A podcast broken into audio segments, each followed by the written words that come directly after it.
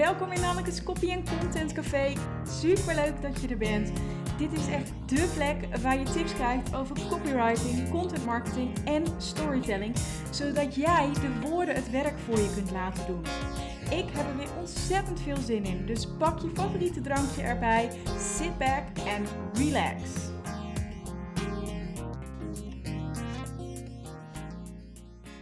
Hallo dan weer en leuk dat je het Copy en Content Café bezoekt.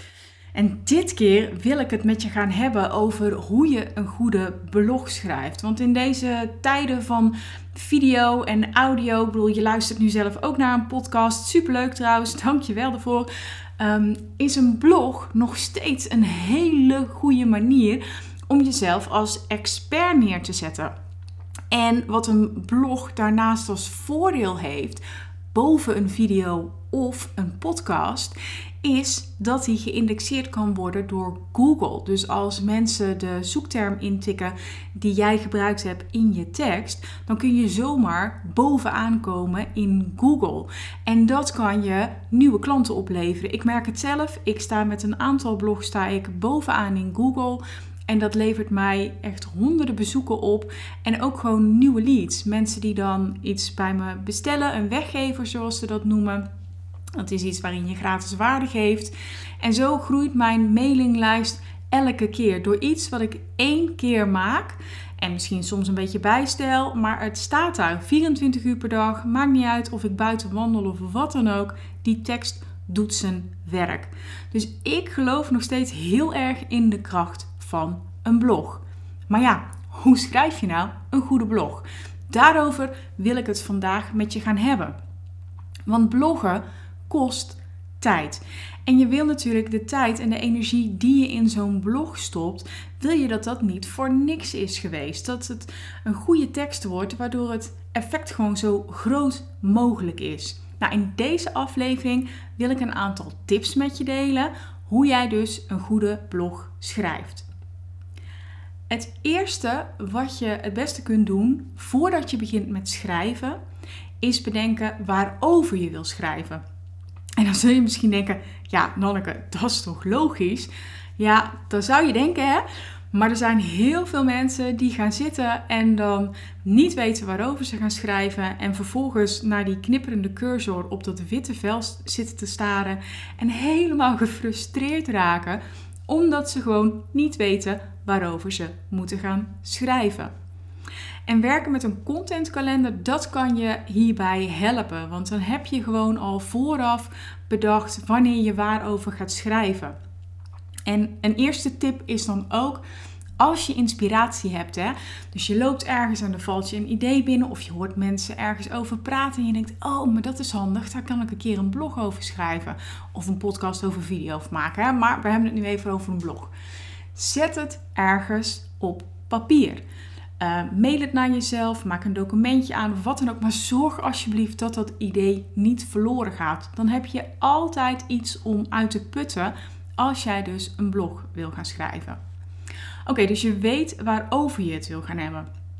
Dan is het heel belangrijk dat je het doel van je tekst gaat bepalen. Wat wil jij bereiken met je blog? Wil jij bijvoorbeeld je lezer inspireren? Wil jij je lezer iets leren? Je kunt ook zeggen: ja, maar ik schrijf mijn blog puur ter vermaak. Niks mis mee. Je kunt een lezer een kijkje achter de schermen geven van je bedrijf. Of je kunt bijvoorbeeld een community op willen bouwen. Wil jij nou die lezer bijvoorbeeld iets leren? Welke transformatie, dus welke verandering wil jij dan dat die lezer doormaakt? Want als je dat weet, dus als je weet wat je doel is, wat je wil bereiken bij die lezer, dan kun je bedenken welke elementen je dus in je blog moet verwerken. Het is heel belangrijk dat je je blog sterk begint.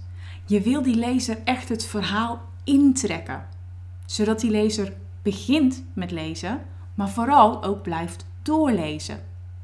En de kop is het eerste dat die lezer ziet.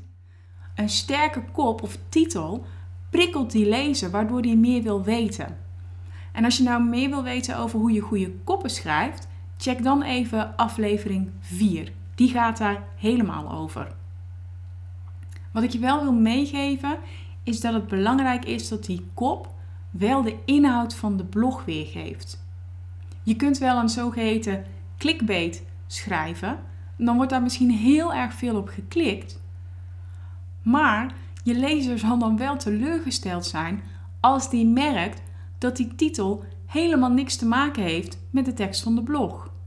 En dan is de kans heel groot dat je lezer je site meteen weer verlaat. En dat wil je niet.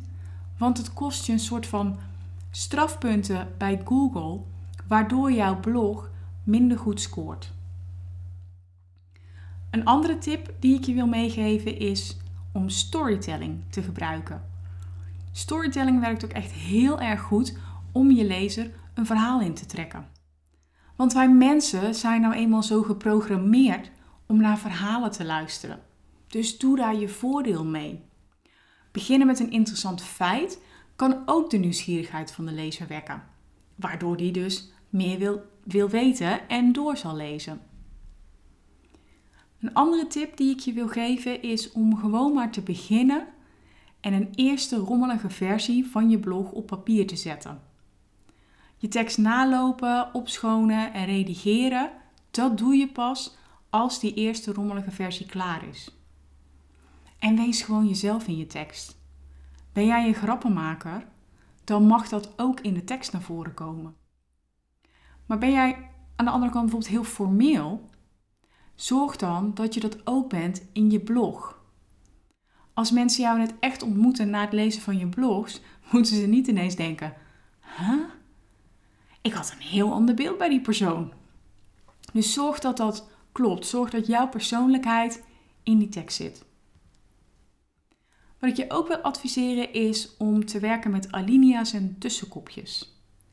Dat helpt jouw lezer om je blog heel snel te scannen.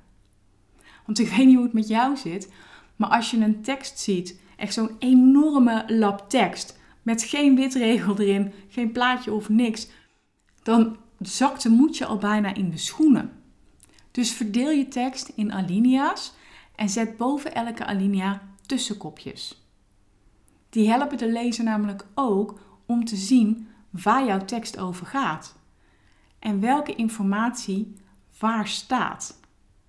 Het helpt je lezer dus door de tekst heen, maar het geeft ook een soort van adempauze in je tekst. En zorg dan wel dat die tussenkopjes er anders uitzien dan de gewone tekst. Bijvoorbeeld door ze vet te maken of schuin te maken. Ik noemde het net al heel kort. Niemand houdt van zo'n enorme lap met tekst.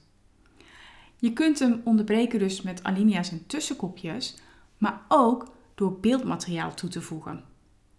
En probeer dan om tekst en beeld bij elkaar te laten aansluiten. Ook dat helpt de lezer weer met het verwerken van wat jij schrijft. Denk bijvoorbeeld aan een infographic of foto's, illustraties of video's. En als je er dus voor zorgt dat tekst en beeld bij elkaar passen, dan versterkt dat elkaar. Dan versterk jij je boodschap. Wat je ook kunt doen om de tekst te onderbreken, is werken met streamers of quotes. Dus stel iemand doet een opvallende uitspraak, haal die er dan uit en plaats die nog een keer.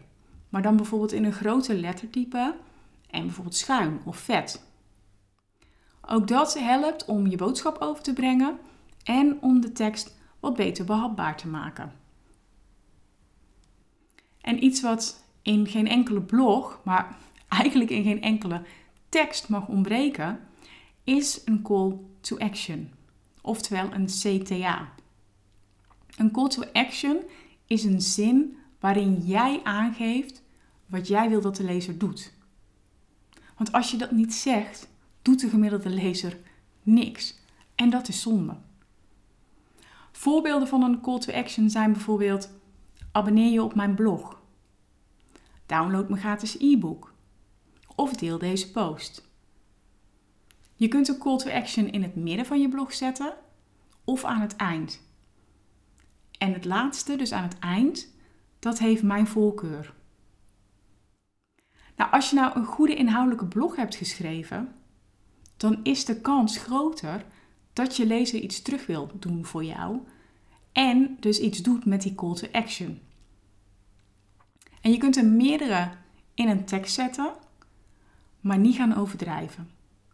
Ik zou zelf maximaal twee call to actions in één blog zetten. Oh, en nog één tip hè. Schrijf je blog alsjeblieft niet in het beheerssysteem, dus het CMS van je website. Ik heb dat ooit gedaan en weet ik veel, doordat de uh, verbinding van het internet verbrak of doordat ik iets fout heb gedaan, weet ik ook niet. Maar was ik gewoon mijn tekst kwijt. En dan wil je gewoon niet dat als je uren hebt zitten zoeken op zo'n tekst, dat die ineens weg is. Dus mijn advies, schrijf je blogs in Word of Google Docs of iets in ieder geval wat je kan opslaan en nog liever iets wat om de zoveel tijd automatisch wordt opgeslagen. Wat ik je ook wil meegeven is, ik zei het er straks al, ja, schrijf een eerste rommelige versie en die ga je daarna pas fine-tunen. Die ga je daarna pas klaarmaken om te publiceren. En wat je dan kan doen is, als je die blog geschreven hebt, laat hem dan even liggen. Dat zorgt ervoor dat jij weer met een frisse blik naar je eigen tekst kunt kijken. En eventuele foutjes er makkelijker uithaalt. Denk bijvoorbeeld aan een typfout. Of een woord dat je vergeten bent te schrijven. Of per ongeluk hebt laten staan omdat je een zin hebt omgebouwd. Echt, je wil niet weten hoe vaak ik een tekst heb nagelezen en dat ik dacht, oh, woord vergeten. Of, oh, woord te veel. En wat daarbij heel erg kan helpen, en ik weet dat je je echt belachelijk kunt voelen als je het doet, maar het werkt echt, is lees je tekst hardop voor.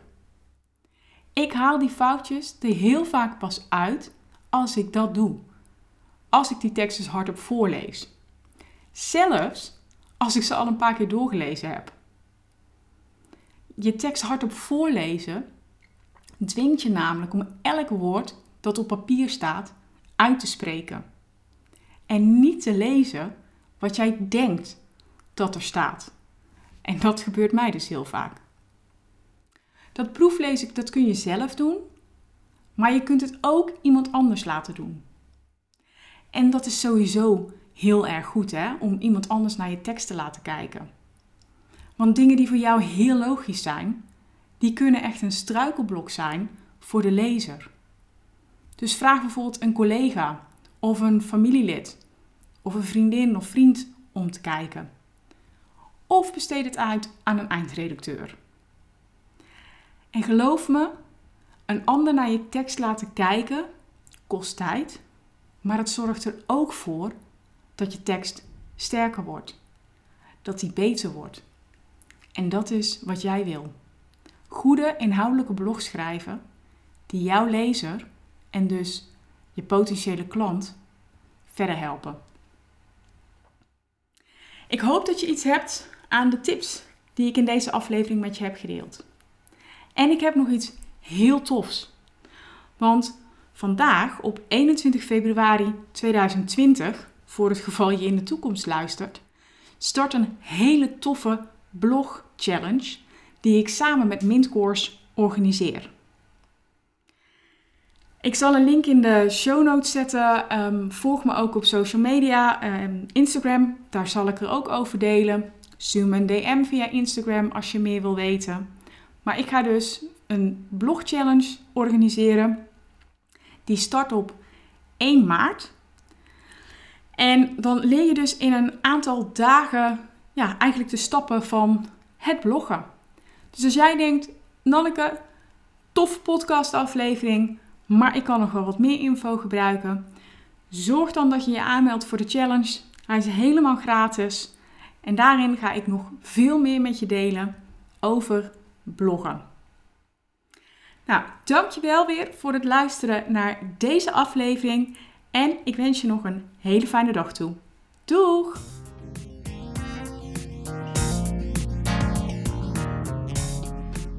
Dankjewel voor je bezoek aan het Copy Content Café. Ik hoop dat je een fijne tijd hebt gehad en de aflevering interessant vond. Is dat nou het geval, dan zou ik het heel tof vinden als je een screenshot wilt maken en mij wilt taggen op Instagram. En dat is Nanneke van Drunen. Op die manier inspireer jij weer andere ondernemers en ontdek ik wie het Copy Content Café allemaal bezoeken. En dat vind ik heel erg tof. En ik heb nog één vraag voor je. Ik maak echt met liefde en plezier gratis content voor jou. En ik zou het heel fijn vinden als je één dingetje zou willen terugdoen. En dat is een review voor me achterlaten op iTunes.